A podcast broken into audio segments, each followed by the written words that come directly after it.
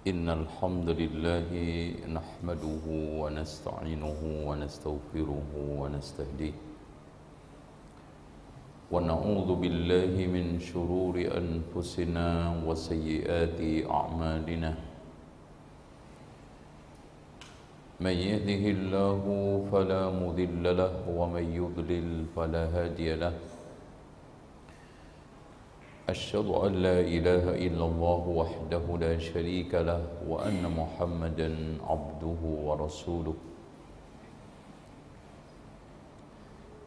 قال الله عز وجل يا أيها الناس اتقوا ربكم الذي خلقكم من نفس واحدة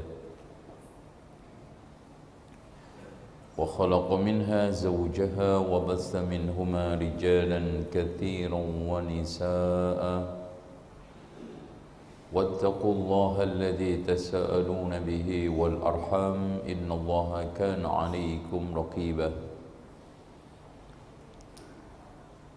وقال تبارك وتعالى يا أيها الذين آمنوا اتقوا الله حق تقاته ولا تموتن إلا وأنتم مسلمون. وقال عز وجل يا أيها الذين آمنوا اتقوا الله وقولوا قولا سديدا. يصلح لكم أعمالكم ويغفر لكم ذنوبكم ومن يطع الله ورسوله فقد فاز فوزا عظيما. فإن خير الحديث كتاب الله وخير الهدي هدي محمد صلى الله عليه وسلم وشر الأمور محدثاتها وكل محدثة بدعة وكل بدعة ضلالة وكل ضلالة في النار kaum muslimin yang dirahmati Allah Semoga senantiasa dilimpahkan rahmat, taufik dan hidayah oleh Allah Di antara ahli tafsir ketika menafsiri firman Allah ghairil maghdubi alaihim waladdallin adalah al-yahud wan nasara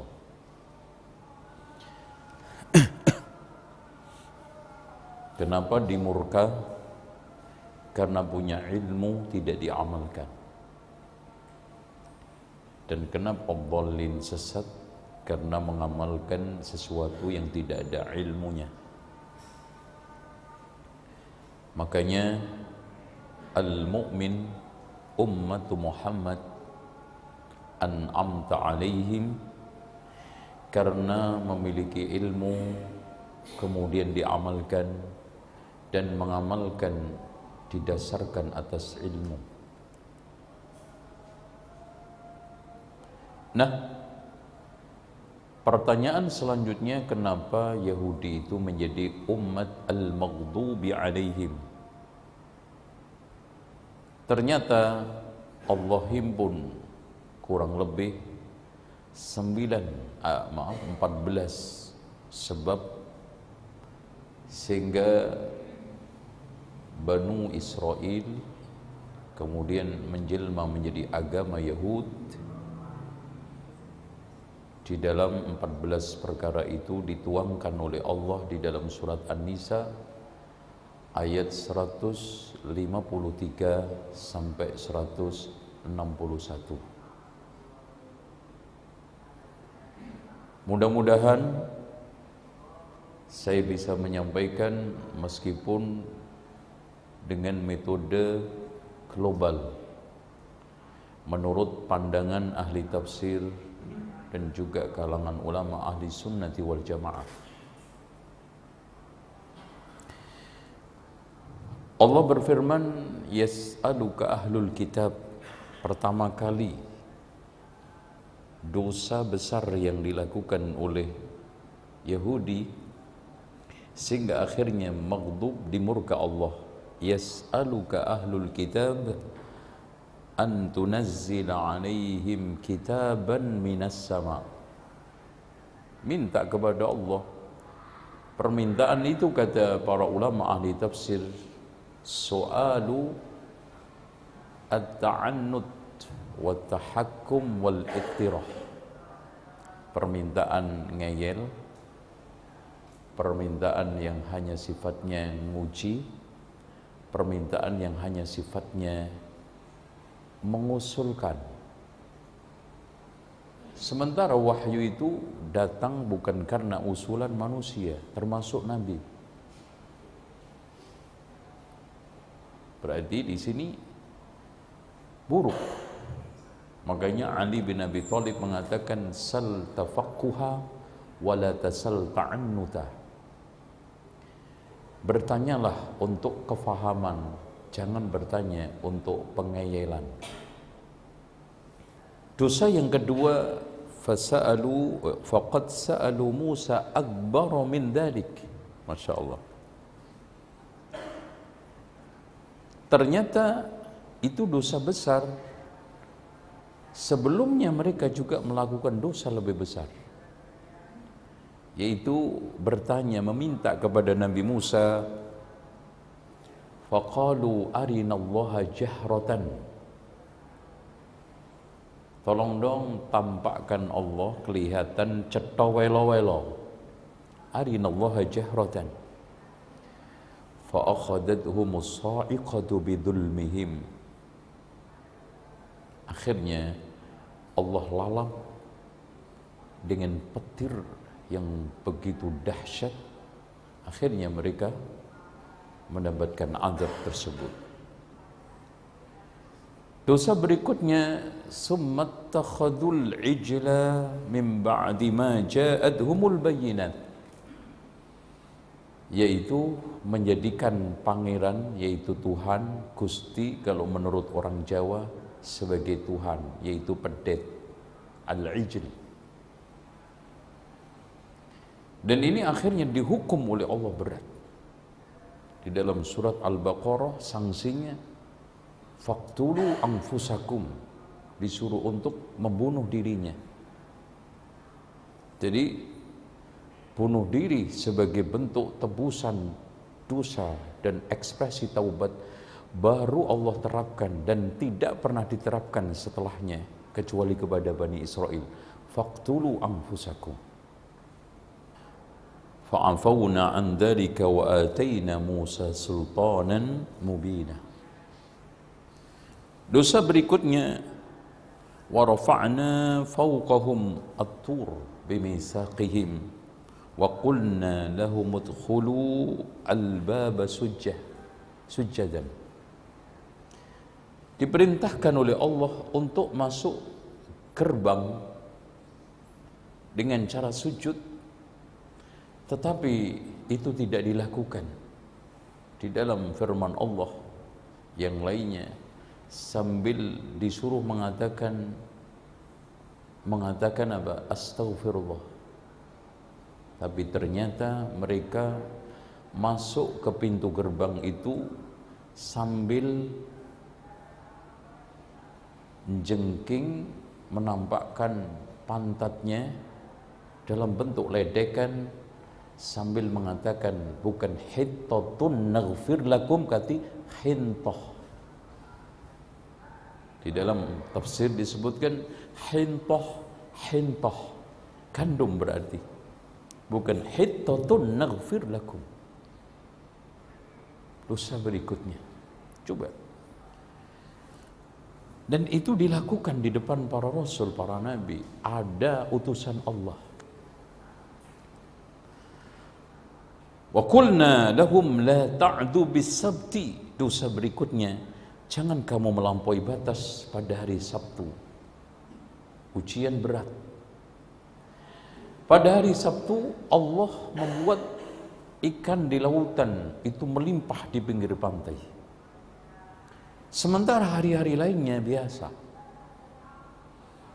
La ta'du fi sabti. Jangan kamu melampaui batas di hari Sabtu dengan menjala ikan atau mencari ikan. Akhirnya membuat hilah dan itulah hilah pertama kali yang dilakukan manusia di muka bumi. Supaya yang haram menjadi halal yaitu pasang jala hari Jumat diambil hari Ahad ikan-ikan masuk pada hari apa? Sabtu. Hilah.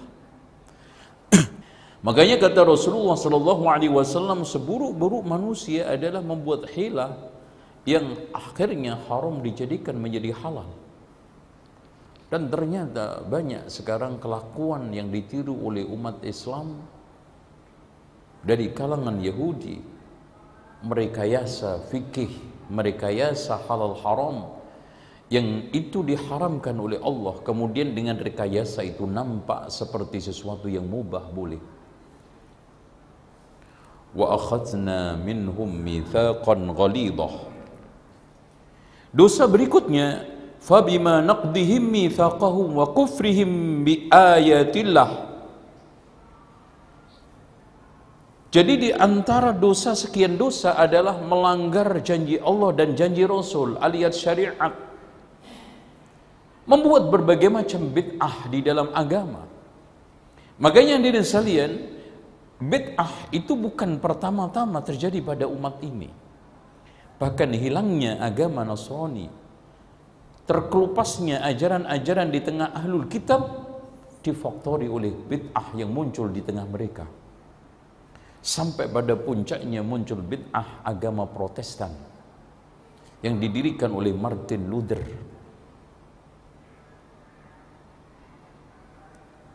Dengan demikian wa qatlihimul anbiya.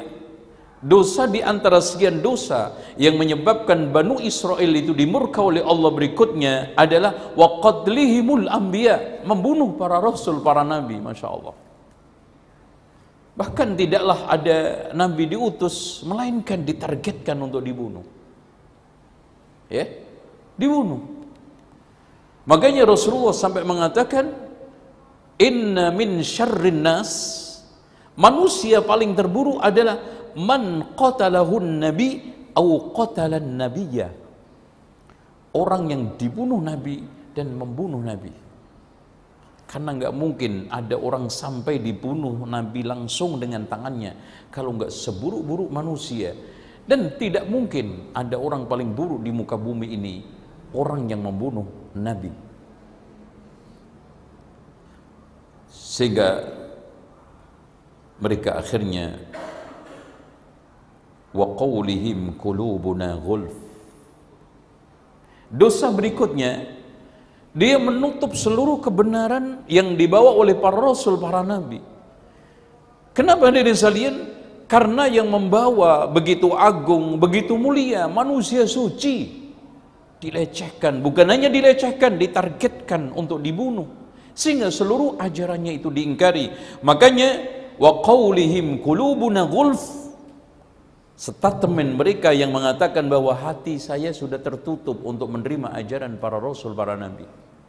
Jadi dan itu sekarang terjadi pada beberapa kalangan dari kaum muslimin. Qulubuna gulf sudah tertutup mata hatinya untuk menerima Al-Quran dan Sunnah, mudah melecehkan ajaran yang dari Alkitab dan Sunnah, dan mudah melecehkan para Rasul, para Nabi.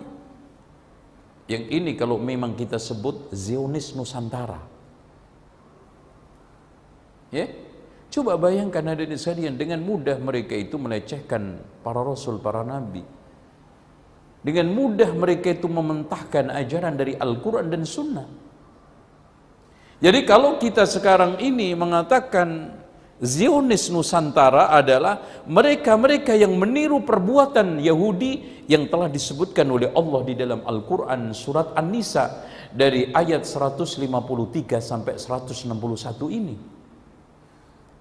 Sifat, nggak mungkin sosok ya. Karena nggak ketemu. Ada Zionis pesek itu nggak mungkin yang ada adalah sos, ada apa namanya? Kelakuan sifat. Fala yu'minuna illa qalila. Bal taba'a Allahu 'alayya bi kufrihim. Fala yu'minuna illa qalila. Artinya di zalian mereka kebanyakan kufur, ingkar terhadap ajaran para rasul, para nabi, termasuk ajaran Nabi Muhammad sallallahu alaihi wasallam. Kecuali sedikit dari mereka, di antaranya adalah Abdullah ibn Salam dan konco-konconya. Wa bikufrihim wa qawlihim dosa di antara sekian dosa. Yahudi ahlul kitab Bani Israel yang menyebabkan Allah murka adalah wa bikufrihim wa qawlihim ala Maryama buhtanan azima yang mengatakan bahwa Maryam itu berzina sehingga hasil daripada perzinaan lahir ini Isa nasallallahu al-afiyah maka di antara mereka mengatakan tanpa merasa itu merupakan azim perkara besar zina dengan Jibril. Subhanallah. Ya. Ya, zina dengan jin aja itu sulit ketemunya. Bagaimana? Zina dengan makhluk yang beda tempat, beda kondisi, beda alam. Tapi itulah perkataan mereka tidak masuk akal pun dia lakukan tidak konkret, tidak ilmiah pun mereka akan lontarkan. Makanya suatu kebiasaan Yahudi dari sepanjang masa melakukan tindakan yang konyol, melakukan tindakan yang tidak ilmiah, melakukan tindakan yang tidak masuk akal itu hal biasa. Bagaimana mereka sekarang melakukan suatu perkara yang sangat tidak masuk akal? Berperang dengan senjata canggih hanya membunuh anak-anak kecil, perempuan dan orang-orang tidak berdaya. Itu sama aja hadirin sekalian, kita mengejar cicak dengan senjata AK. Ya. Atau menggunakan pesawat FN ini eh, apa? Eh, F12. Enggak masuk akal. Itulah mereka. Ya. Wa qaulihim di antara dosa sekian dosa lihat dengan terang-terangan mereka mengatakan dan bahkan Allah hanya menirukan ucapan mereka wa qaulihim inna qatalna al-masiha Isa bin Maryam Rasulullah coba bangga jadi kebanggaan di antara sekian kebanggaan Yahud ahlul kitab Bani Israel ya mereka melakukan pembunuhan kepada Nabi Bangga mereka. Ya. Yang telah, diterangkan oleh Allah di dalam Al-Qur'an ini. Ya. Wa qaulihim inna qatalna al-masiha Isa bin Maryam Rasulullah bangga. Dan orang-orang yang bangga dengan dosa-dosanya itu ikhwan sulit sekali untuk mendapatkan taufik. Akhadathu al-izzatu bil ithmi. Ya. Makanya Allah bantah karena Allah selamatkan hambanya yang mulia, Nabi yang mulia yaitu Isa akhirnya wa ma qataluhu wa ma salabuhu walakin syubbiha lahum. Wa innal ladzina ikhtalafu fihi la fi syakkin min. Mereka tidak berhasil membunuh Nabi Isa. Dan mereka juga tidak mensalib Nabi Isa. Bahkan Allah serupakan. Dan sungguh polemik dan klaim mereka bahwa telah berhasil membunuh dan menyalib Nabi Isa alaihissalam adalah syakin min mereka itu berada di atas keraguan dan kebingungan semata-mata. Ma lahum bihi min ilmin illa tiba'adhan mereka tidak mengikuti kecuali dhan. Wa ma qataluhu mereka yakin nuraninya tidak akan bisa bicara betul-betul membunuh Nabi Isa.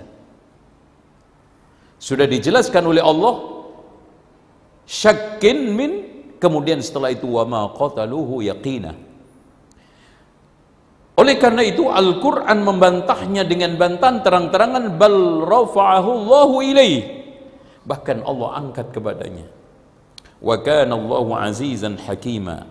Makanya ikhwan kesepakatan ahli sunnati wal jamaah dan ulama-ulama kaum muslimin tidak ada yang berbeda kecuali nyeleneh dan ganjil pendapat tersebut bahwa Nabi Isa diangkat ke langit dan nanti akan turun dan turunnya menjadi tanda-tanda besar 10 hari kiamat. Yang dikatakan oleh Rasulullah sallallahu alaihi wasallam yushiku ayyanzila fikum Isa bin Maryam hakaman adlan. Hampir-hampir akan turun di tengah kalian Isa bin Maryam menjadi hakim yang adil. Yaksirus salib memecah salib. Wa yaqtulul khinzir dan membunuh babi. Wa yadhul jizyata dan menghentikan uh, jizyah. Wa yadhul harba auzaraha menghentikan peperangan. Itulah yang dikatakan oleh Allah wa im min ahlil kitabi illa la yu'minan nabi dan ya ikhwan ayat ini menjadi dalil paling kuat atas syubhat Isa itu tidak turun ke langit eh tidak turun ke bumi maaf subhat yang disebarkan mungkin akademisi subhat yang disebarkan oleh sebagian yang mengklaim cendikiawan muslim bahwa tidak benar Isa itu turun ke bumi Kenapa? Kalau Isa itu turun berarti ada nabi setelah Rasulullah sementara Allah menegaskan bahwa tidak ada nabi setelah Rasulullah SAW maka dijawab Nabi Isa turun bukan porsinya menjadi nabi tapi hakaman adlan. Makanya dalam riwayat lain disebutkan yahkumu bi syariati Muhammad. Berhakim dengan syariat Nabi Muhammad. Dan yang kedua dalilnya wa im min ahlil kitabi illa la yu'minan nabi qabla mauti. Tidak ada satupun nabi eh maaf tidak ada satupun ahlul kitab melainkan pasti beriman kepadanya Pertanyaannya, apakah ayat ini sudah terrealisasi?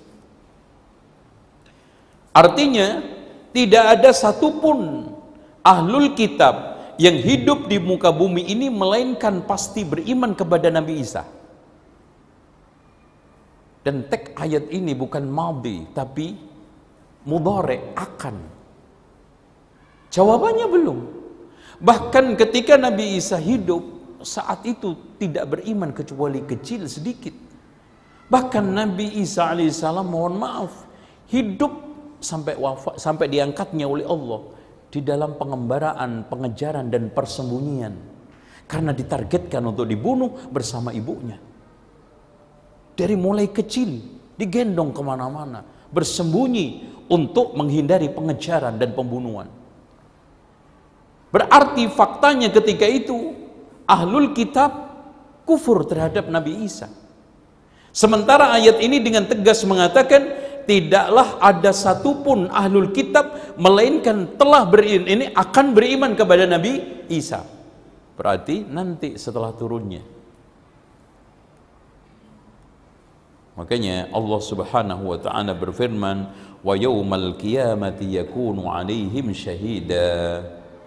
وبظلم من الذين من من وبظلم من الذين هادوا حرمنا عليهم طيبات dosa si antara sekian dosa yang menyebabkan mereka dikutuk dimurka oleh Allah adalah mengharamkan sesuatu yang dihalalkan oleh Allah Masya Allah Jadi wabidul minal ladzina hadu harramna 'alaihim thayyibatin uhillat lahum wa bisaddihim an sabilillahi katsira. Dosa di antara dosa sekian adalah menghalang-halangi orang untuk beragama. Dengan cara teror, dengan cara sangat ekstrim menteror mengancam siapa saja yang beriman kepada Nabi dan bukan hanya itu saja, bukan hanya yang diteror pengikutnya, Nabi pun ditargetkan untuk dibunuh. Bahkan tidaklah ada satu Nabi pun yang hidup di tengah mereka melainkan ditargetkan untuk dibunuh termasuk Nabi Muhammad SAW hampir nyaris. Nah berikutnya dosa wa akhdihimur riba wa. Masya Allah Di antara dosa yang menyebabkan mereka itu dikutuk oleh Allah, dimurka oleh Allah adalah mereka melakukan riba. Bahkan riba bukan dilakukan secara individual, bahkan dilakukan secara institusional. Dibuat satu lembaga. Dan subhanallah hadirin salian, di era modern setelah jatuhnya negara ini eh, apa khilafah Utsmaniyah pun yang pertama kali menjadi dalang berdirinya bank-bank riba di dunia ini adalah Yahudi. Ya. Walaupun di antara fatwa mereka haram untuk bermuamalah riba sesama Bani Israel, tapi halal kepada selain Bani Israel. Wa aklihim amwalan nasi bil batil, Masya Allah. Di antara sekian dosa yang dilakukan mereka adalah memakan harta manusia dengan cara batil. Entah itu dengan cara manipulasi, dengan cara menipu, bahkan dengan cara suap. Bahkan korupsi dan suap itu hidup pertama kali di tengah mereka. Bagaimana mereka ketika ingin bisa hidup di, di Palestina mencoba untuk menyuap khalifah yang ada di Utsmaniyah ketika itu. Dia bayar berapapun, yang penting boleh tinggal di Palestina. Maka tidak. Dan bahkan ketika itu dia hanya meminta 30%, tidak. Tapi sekarang sebaliknya, mereka telah mendapatkan 70 lebih tanah Palestina, bahkan hampir habis. Makanya kasus demi kasus, kerusuhan demi kerusuhan yang mereka lakukan dengan peperangan yang sangat tidak seimbang, peperangan yang sangat tidak adil, itu semuanya secara implisit yang tersembunyi dari seluruh berita media adalah mengambil alih tanah-tanah yang habis dibombardir. Tolong itu kita harus camkan. Tanah-tanah yang sekarang ini dibombardir tidak bisa dibangun lagi oleh orang-orang Palestina. Karena di dalam aturan mereka sudah telah disebutkan tanah mana saja yang sudah habis masanya atau mungkin kebakar atau terjadi apa pun maka hak milik kembali kepada Yahudi. Wa aklihim ya amwalan nasi bil batil Allahu akbar wa a'tadna lil kafirin minhum adaban alima. والله أعلم بالصواب. صواب أقول قولي هذا وأستغفر الله لي ولكم وأستغفر الله العظيم إن الله هو الغفور الرحيم.